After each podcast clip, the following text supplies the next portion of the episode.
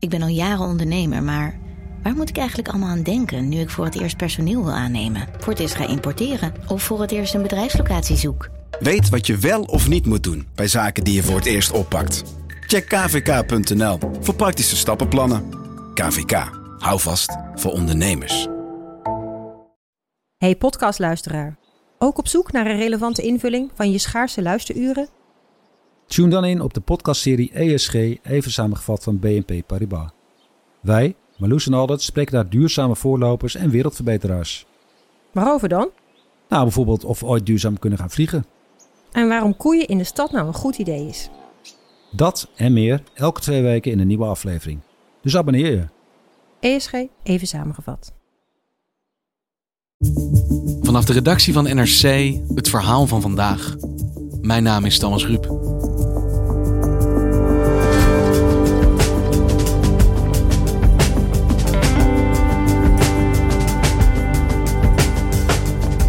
Oorlog binnen Denk.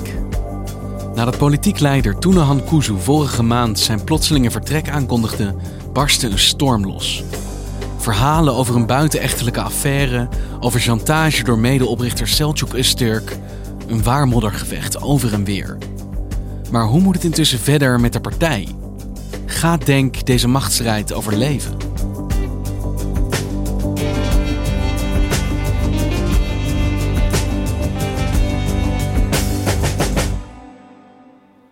Hey Floor, we hebben het de afgelopen tijd natuurlijk gehad over corona, corona, corona.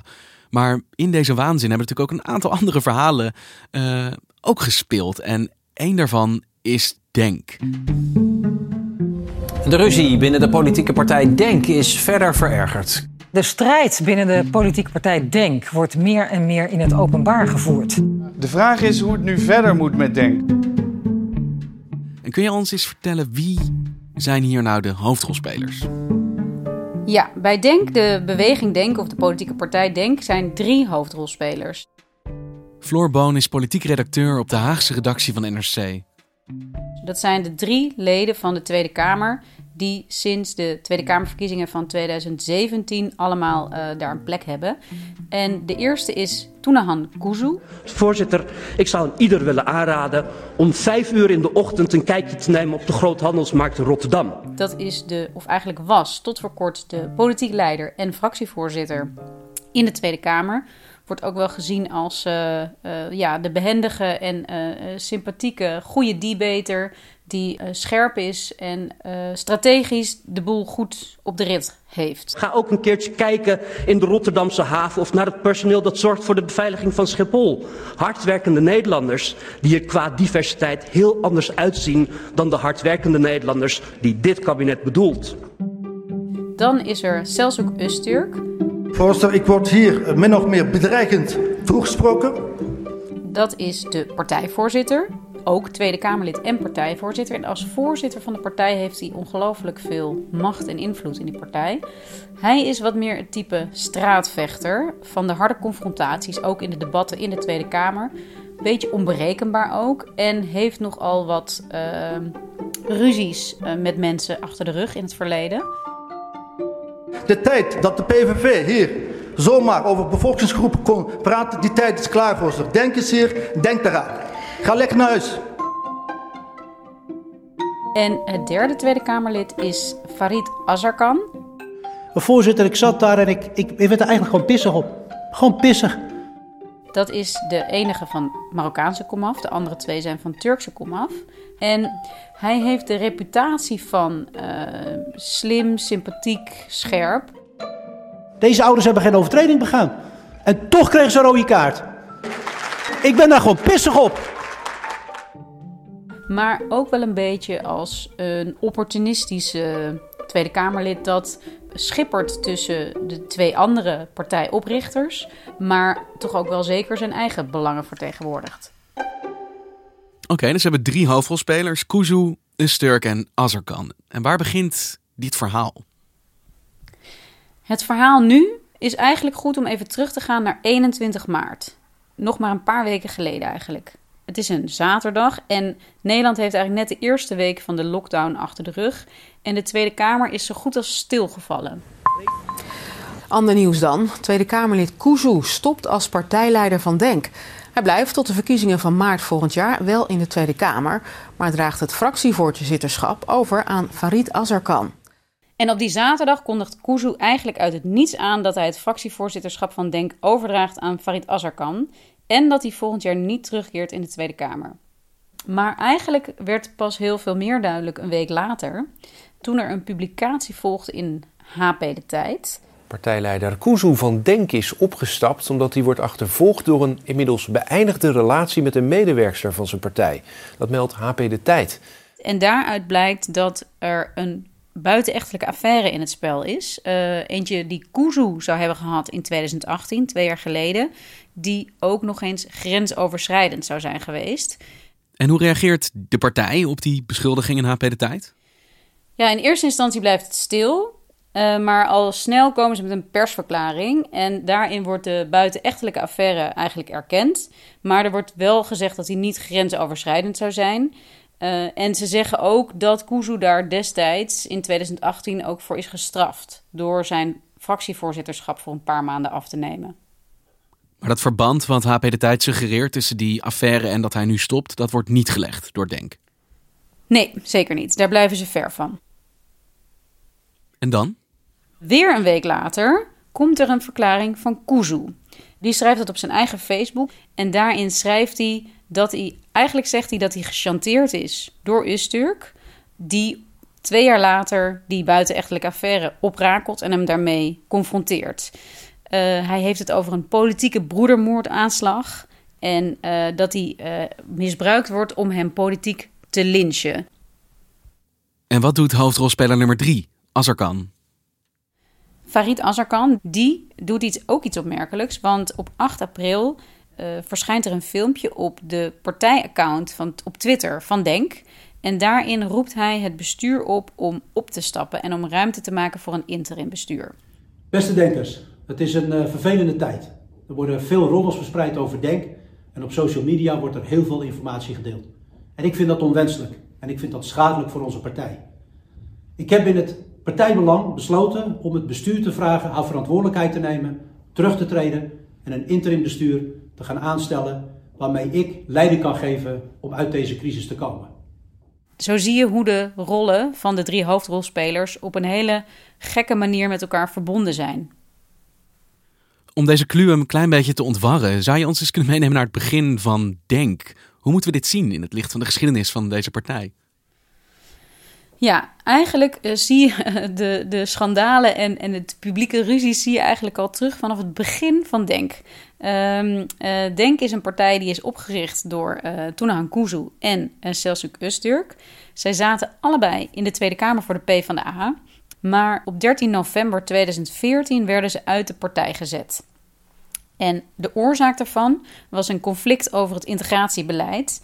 En vooral een conflict met hun eigen PvdA-minister Lodewijk Asscher. Minister Asscher wordt beschuldigd van uitsluitingspolitiek, omdat hij zich te kritisch opstelt ten opzichte van Turkse organisaties die Turken hier te Turks zouden willen houden.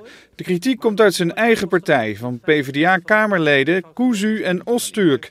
Uh, en het leidde tot een, uh, ja, een, een crisisberaad in de PvdA-fractie. En eigenlijk was voor iedereen duidelijk dat uh, ze per direct die fractie zouden verlaten. Tot de laatste snik die in me zit, zal ik proberen de, de, de stem te zijn van die mensen die zich niet vertegenwoordigd voelen in het parlement, omdat het debat over integratie is verrechts, verruwd en verhard. U bent, u bent heel erg boos. U bent heel erg boos, maar waarom moet u nou de fractie van de Partij van de Arbeid verlaten? Omdat we. Dus niet langer PvdA, maar wel Kamerlid nog steeds. Ja, wel Kamerlid. Zij uh, uh, leverden hun zetels niet in, maar bleven in de Tweede Kamer. In die tijd als de groep Kuzu Usturk. En uh, begonnen eigenlijk meteen met het ontwikkelen van plannen om een eigen partij op te richten. de beweging Denk. En hoeveel succes hebben ze met deze nieuwe beweging? nou, eigenlijk gaat dat heel goed. ze hebben al een zekere mate van bekendheid. En in 2016 sluit ook Sylvana Simons zich bij Denk aan. Denk is een partij die uh, de toekomst voor ogen heeft, uitgaande van de realiteit van vandaag. En um, niet alleen zou ik iedereen willen oproepen om zich daarbij aan te sluiten. Um, ik zou mensen vooral willen vragen: verdiep je in Denk. Kijk eens goed naar waar Denk voor staat. En zet dat eens af tegen wat je al je hele leven hoort. En hoe profileerde ze zich vanaf dat begin? Ze wilde heel duidelijk geen moslimpartij zijn, maar richtte zich wel heel erg duidelijk op uh, Nederlanders met een migratieachtergrond.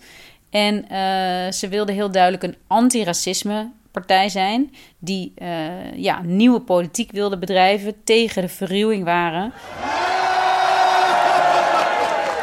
Beste denkers, tijdens deze campagne hebben wij het heel vaak gezegd. Op 15 maart gaat er wat bijzonders gebeuren. Op 15 maart zullen er historische, legendarische verkiezingen worden gehouden. En in 2017 werd Denk verkozen in de Tweede Kamer met drie zetels. En vandaag is het begin van een hoofdstuk in onze geschiedenis dat bestaat uit de volgende woorden. Eendracht maakt macht en diversiteit is een kracht. Het nieuwe Nederland heeft vandaag een stem gekregen in de Tweede Kamer. Ja, dus drie zetels. één voor Kuzu, één voor Isturk, één voor Azarkan. En Savannah Simons is dan dus weg. Ja, die is ook met een uh, hevige ruzie vertrokken. Dat leidt zelfs tot rechtszaken uh, waarin uh, uiteindelijk Denk in het ongelijk wordt gesteld. Die moeten haar nog vergoedingen betalen. Maar ook dat wordt al ehm, ja, ruim ehm, uitgevochten voor het oog van het Nederlandse publiek. Ja, het is misschien niet zo elegant als ze gehoopt hadden, maar wel een gigantisch succes met drie zetels een nieuwe partij in de Kamer lanceren. Zeker. En weten ze dat succes vast te houden vanaf dat punt? Uh, nou, aanvankelijk wel. Uh, na de Tweede Kamerverkiezingen in 2017 zijn een jaar later de gemeenteraadsverkiezingen uh, in 2018. En daar boeken ze succes. Maar daarna gaat het eigenlijk bergafwaarts. Want een jaar later zijn er eerst provinciale uh, statenverkiezingen en daarna Europese verkiezingen. En in het Europees parlement halen ze geen zetel. En door die provinciale staten komen ze ook niet in de uh, Eerste Kamer terecht. En dat was echt een moment waarop ze hadden gehoopt. Uh, Usturk stond ook op de lijst, was lijsttrekker en zou naar die Eerste Kamer gaan. Dat lukt niet. En Usturk blijft in de Tweede Kamer en vertrekt niet naar de Senaat. Ja, hij had een toekomst uitgestippeld waarin hij in een Kamer zal opschuiven, maar dat gebeurt dus niet. Nee, dat gebeurt niet. Noodgedwongen blijft hij dus uh, in die driemansfractie in de Tweede Kamer zitten. En hoe komt dat? Waar komt deze neergang naar die aanvankelijk vliegende start vandaan? Nou ja, je zou kunnen zeggen dat de beloftes die ze deden in hun verkiezingsprogramma's, dat ze die niet echt waarmaakten. Dat ze te veel een uh, religieus conservatieve partij bleven, die op een smal deel van, de, van die Turks-Nederlandse achterban uh, is blijven inzetten. En daarmee de uh, progressievere groepen uit het oog heeft verloren. Die het belangrijk vinden dat die partij ook volwassener politiek gaat bedrijven. Of als partij zelf voorstellen gaan indienen in plaats van alleen maar heel erg reactief te zijn. En wat doet dat binnen de partij dat het succes toch enigszins aan het teruglopen is op dat moment? Nou ja, kijk, binnen de partij ontstaat dus al, weten we inmiddels, veel langer ruzie. En je ziet ook langzamerhand al, en dat is ook iets wat heel erg opvallend is geweest in de Tweede Kamer, is dat, dat, speelde met name het afgelopen half jaar, is dat de twee oprichters, dus Usturk en Kuzu, die zag je echt niet meer samen. Ik bedoel, het was naar buiten toe was alles zonnesch zonneschijn. Maar uh, het was duidelijk dat ze eigenlijk uh, niet per se meer op sprekende voet met elkaar waren. En er ontstaat steeds meer discussie ook over de koers van de partij. Maar er is één moment, en dat lijkt echt een beetje de druppel te zijn geweest. En dat is een reis die de, de, andere twee Kamerleden, Kuzu en Azarkan, die ook steeds meer naar elkaar toetrekken, die zijn samen maken half december. En wat is dat voor een reisje? Dat is een reis van Tunan Kuzu samen met Farid Azarkan. En die eh, vertrekken half december samen naar Istanbul. En dat doen ze om maatpakken te laten meten. Nou, dat is een soort uh, symbool van die partij, mooie Turkse maatpakken. Maar ook om te praten over de toekomst van de partij. Maar in de tussentijd uh, twitteren de twee vanuit Istanbul en gebruiken daarbij de hashtags lijsttrekker campagne 2021 en leiderschap denk. En wie er ontbreekt, dat is Usturk. En Usturk, hoe reageerde hij daarop? Uh, naar later is gebreken, heeft Usturk daarover een boze brief gestuurd naar Farid Azarkan. Geachte heer Azarkan, zegt hij, uh, ik heb vernomen op sociale media dat jullie in Turkije zijn. Uh, behalve dat het helemaal niet meer goed is om met Turkije geassocieerd te zijn, zoals u zult begrijpen, schrijft hij. vindt hij het ook helemaal niet kies dat er daar over lijsttrekkers wordt gepraat zonder dat het bestuur daarvan weet. En zegt hij een onderzoekscommissie naar deze reis te gaan instellen. Die brief die wordt beantwoord niet door Azarkan zelf, maar door Kuzu. En Kuzu die antwoordt Usturk weer met geachte heer Usturk. Uh, ik ben met stomme verbazing geslagen dat ik deze brief las. Dat u brieven stuurt naar mijn Tweede Kamerlid Farid Azarkan. En ik eis dat u deze brief intrekt. Nou ja, dit gaat dus over drie mannen die uh, een bureau delen op het Binnenhof, maar elkaar dit soort uh, brieven sturen. Dus terwijl Kuzu en Azarkan misschien wel uh, dachten en brainstormden over een toekomst van Denk zonder Usturk, werd het een, he, pakte Usturk dat aan om te gaan zorgen voor een toekomst van Denk zonder Kuzu.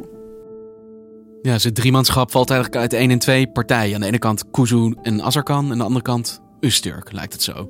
En wat er dan gebeurt, weten we nu, is dat uh, die affaire, die buitenechtelijke affaire uit 2018, die wordt dan in maart, begin maart, uh, door Usturk ingezet om Kuzu mee onder druk te zetten. Om op te stappen. Zodat Usturk uiteindelijk als winnaar uit de bus komt. Hey Floor, hoe zit het nou met die relatie? Want aan de ene kant wordt er gezegd, nou ja, het is een affaire van twee jaar geleden. Binnen de partij was dat bekend. Maar ook hoor je geluiden dat hier sprake was van grensoverschrijdend gedrag. Hoe zit het nou precies? Ja, die relatie is eigenlijk zowel de kern van deze saga, zou je wel kunnen zeggen, als ook wel het grootste pijnpunt natuurlijk. Um, wat we weten is dat er een buitenechtelijke relatie heeft plaatsgevonden tussen Kuzo en een vrouw. Het is onduidelijk of zij nu medewerker was van de partij of dat ze daar nou naartoe wil, of dat ze ambities had. Hoe dan ook, uh, zij zegt dat eigenlijk na het beëindigen van die relatie er een soort iets heel grensoverschrijdends heeft plaatsgevonden. En uh, dat zij dat ook heeft gedeeld met Farid Azarkan. Die zou er dus van hebben geweten. En uh, ja, hij heeft eigenlijk niets met die informatie gedaan. Dus, dus binnen de partij, hoe die relatie precies zat, was bekend dat er iets gespeeld heeft. Maar Usturk en ook Azarkan heeft er, hebben daar niks mee gedaan. Tot nu dan eigenlijk. Ja, dat zou je kunnen zeggen. Tot nu. Nu is dus twee jaar later, heeft Usturk besloten om uh, met dit gegeven Kuzu onder druk te zetten. Uh, en hem ertoe te bewegen om uh, vrijwillig zeg maar, afstand te doen van herverkiezing volgend jaar en van zijn fractievoorzitterschap. Um, maar eerder onderzoek instellen, openheid van zaken geven, uitzoeken wat er nou precies heeft gespeeld, dat heeft, is nooit gebeurd. En dat heeft gewerkt dus eigenlijk, deze chantage, want Kuzo is opgestapt. Dat kondigde hij aan.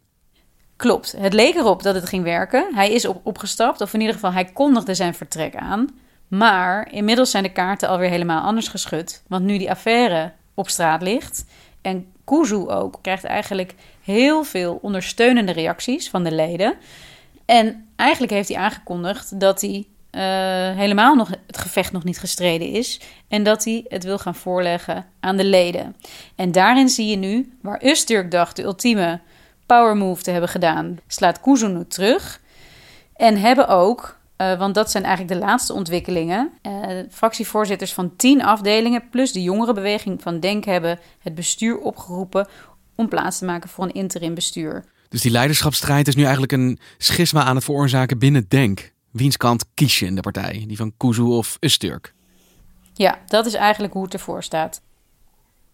En wat gaat er dan nu verder gebeuren? Nou ja, ze stevenen nu eigenlijk af op uh, uh, een ledenbijeenkomst op 6 juni. De vraag is wel of die doorgaat uh, in verband met corona. Maar daar zal echt, ja, dat is echt een beetje het moment waar zal moeten gaan blijken wat er gaat gebeuren met die partij. Zolang Usturk niet aftreedt, zolang het bestuur niet aftreedt, gaat daar de confrontatie plaatsvinden tussen de twee oprichters van Denk. En zal duidelijk worden hoe het verder gaat. En hoofdrolspeler nummer drie, Azarkan, moet dit niet gewoon zijn partij worden als deze andere twee campanen zichzelf eigenlijk nou, op een bepaalde manier buitenspel aan het zetten zijn? Kijk, uh, Azarkan is iemand die uh, uh, bekend staat als iemand die, ja, als een ambitieuze man die graag ook carrière maakt. Dus voor hem zou dit misschien een hele goede optie zijn. Hij ligt ook goed op zich binnen de achterban. Maar de vraag is of deze partij wel kan zonder een van deze oprichters die de partij hebben gebouwd. En ja, de enige die dat kan uitwijzen is de toekomst. En die kennen we nog niet. Toch krijg je wel een gevoel dat die partij bijna niet verder vandaan had kunnen staan van die aanvankelijke belofte tegen verruwing, een nieuw, frisser geluid in de politiek. Als het zo in vlammen opgaat. Ja, nee, een fris geluid, eh, dat is, uh, daar, daar kan je moeilijk nog van spreken. En uh, van tegen de verruwing ook. Ehm, aandacht hebben ze zeker gekregen. Ik bedoel, ze hebben inmiddels wel een plek verworven in de geschiedenisboeken, al was het maar vanwege de vele conflicten die ze hebben weten te veroorzaken binnen zo'n korte tijd. Maar als je inderdaad kijkt naar de, naar de geest en, en het idee van die partij, dan zijn ze heel erg ver van waar ze altijd hebben gezegd waar ze voor staan. Dankjewel, Floor. Graag gedaan, Thomas.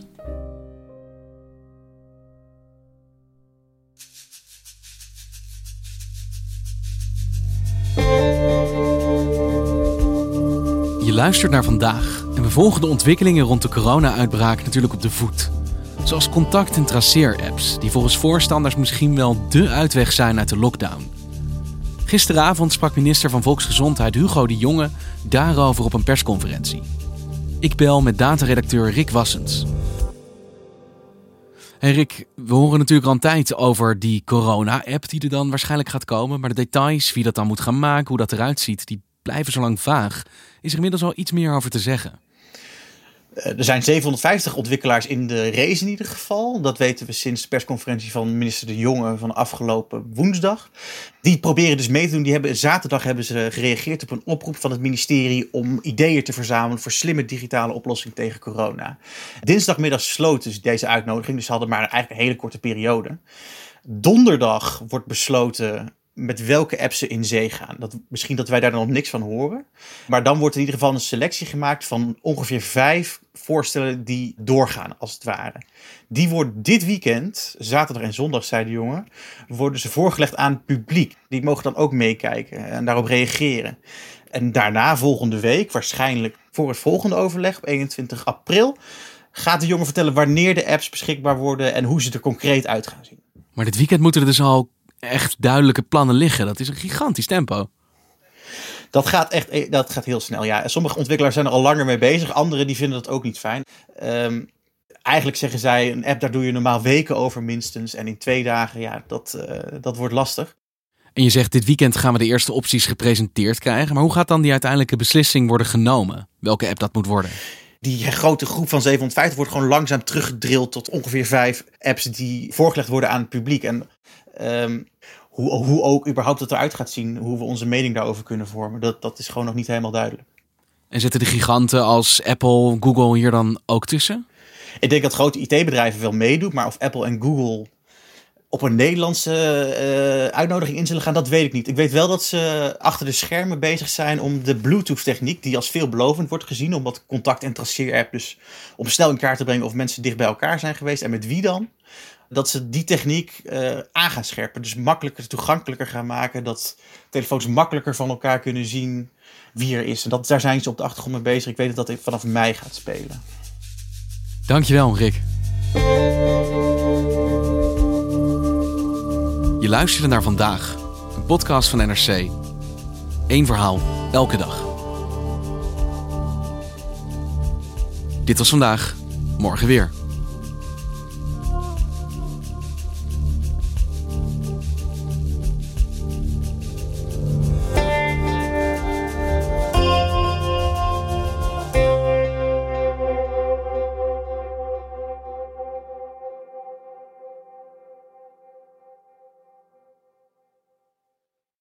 Technologie lijkt tegenwoordig het antwoord op iedere uitdaging. Bij PwC zien we dit anders.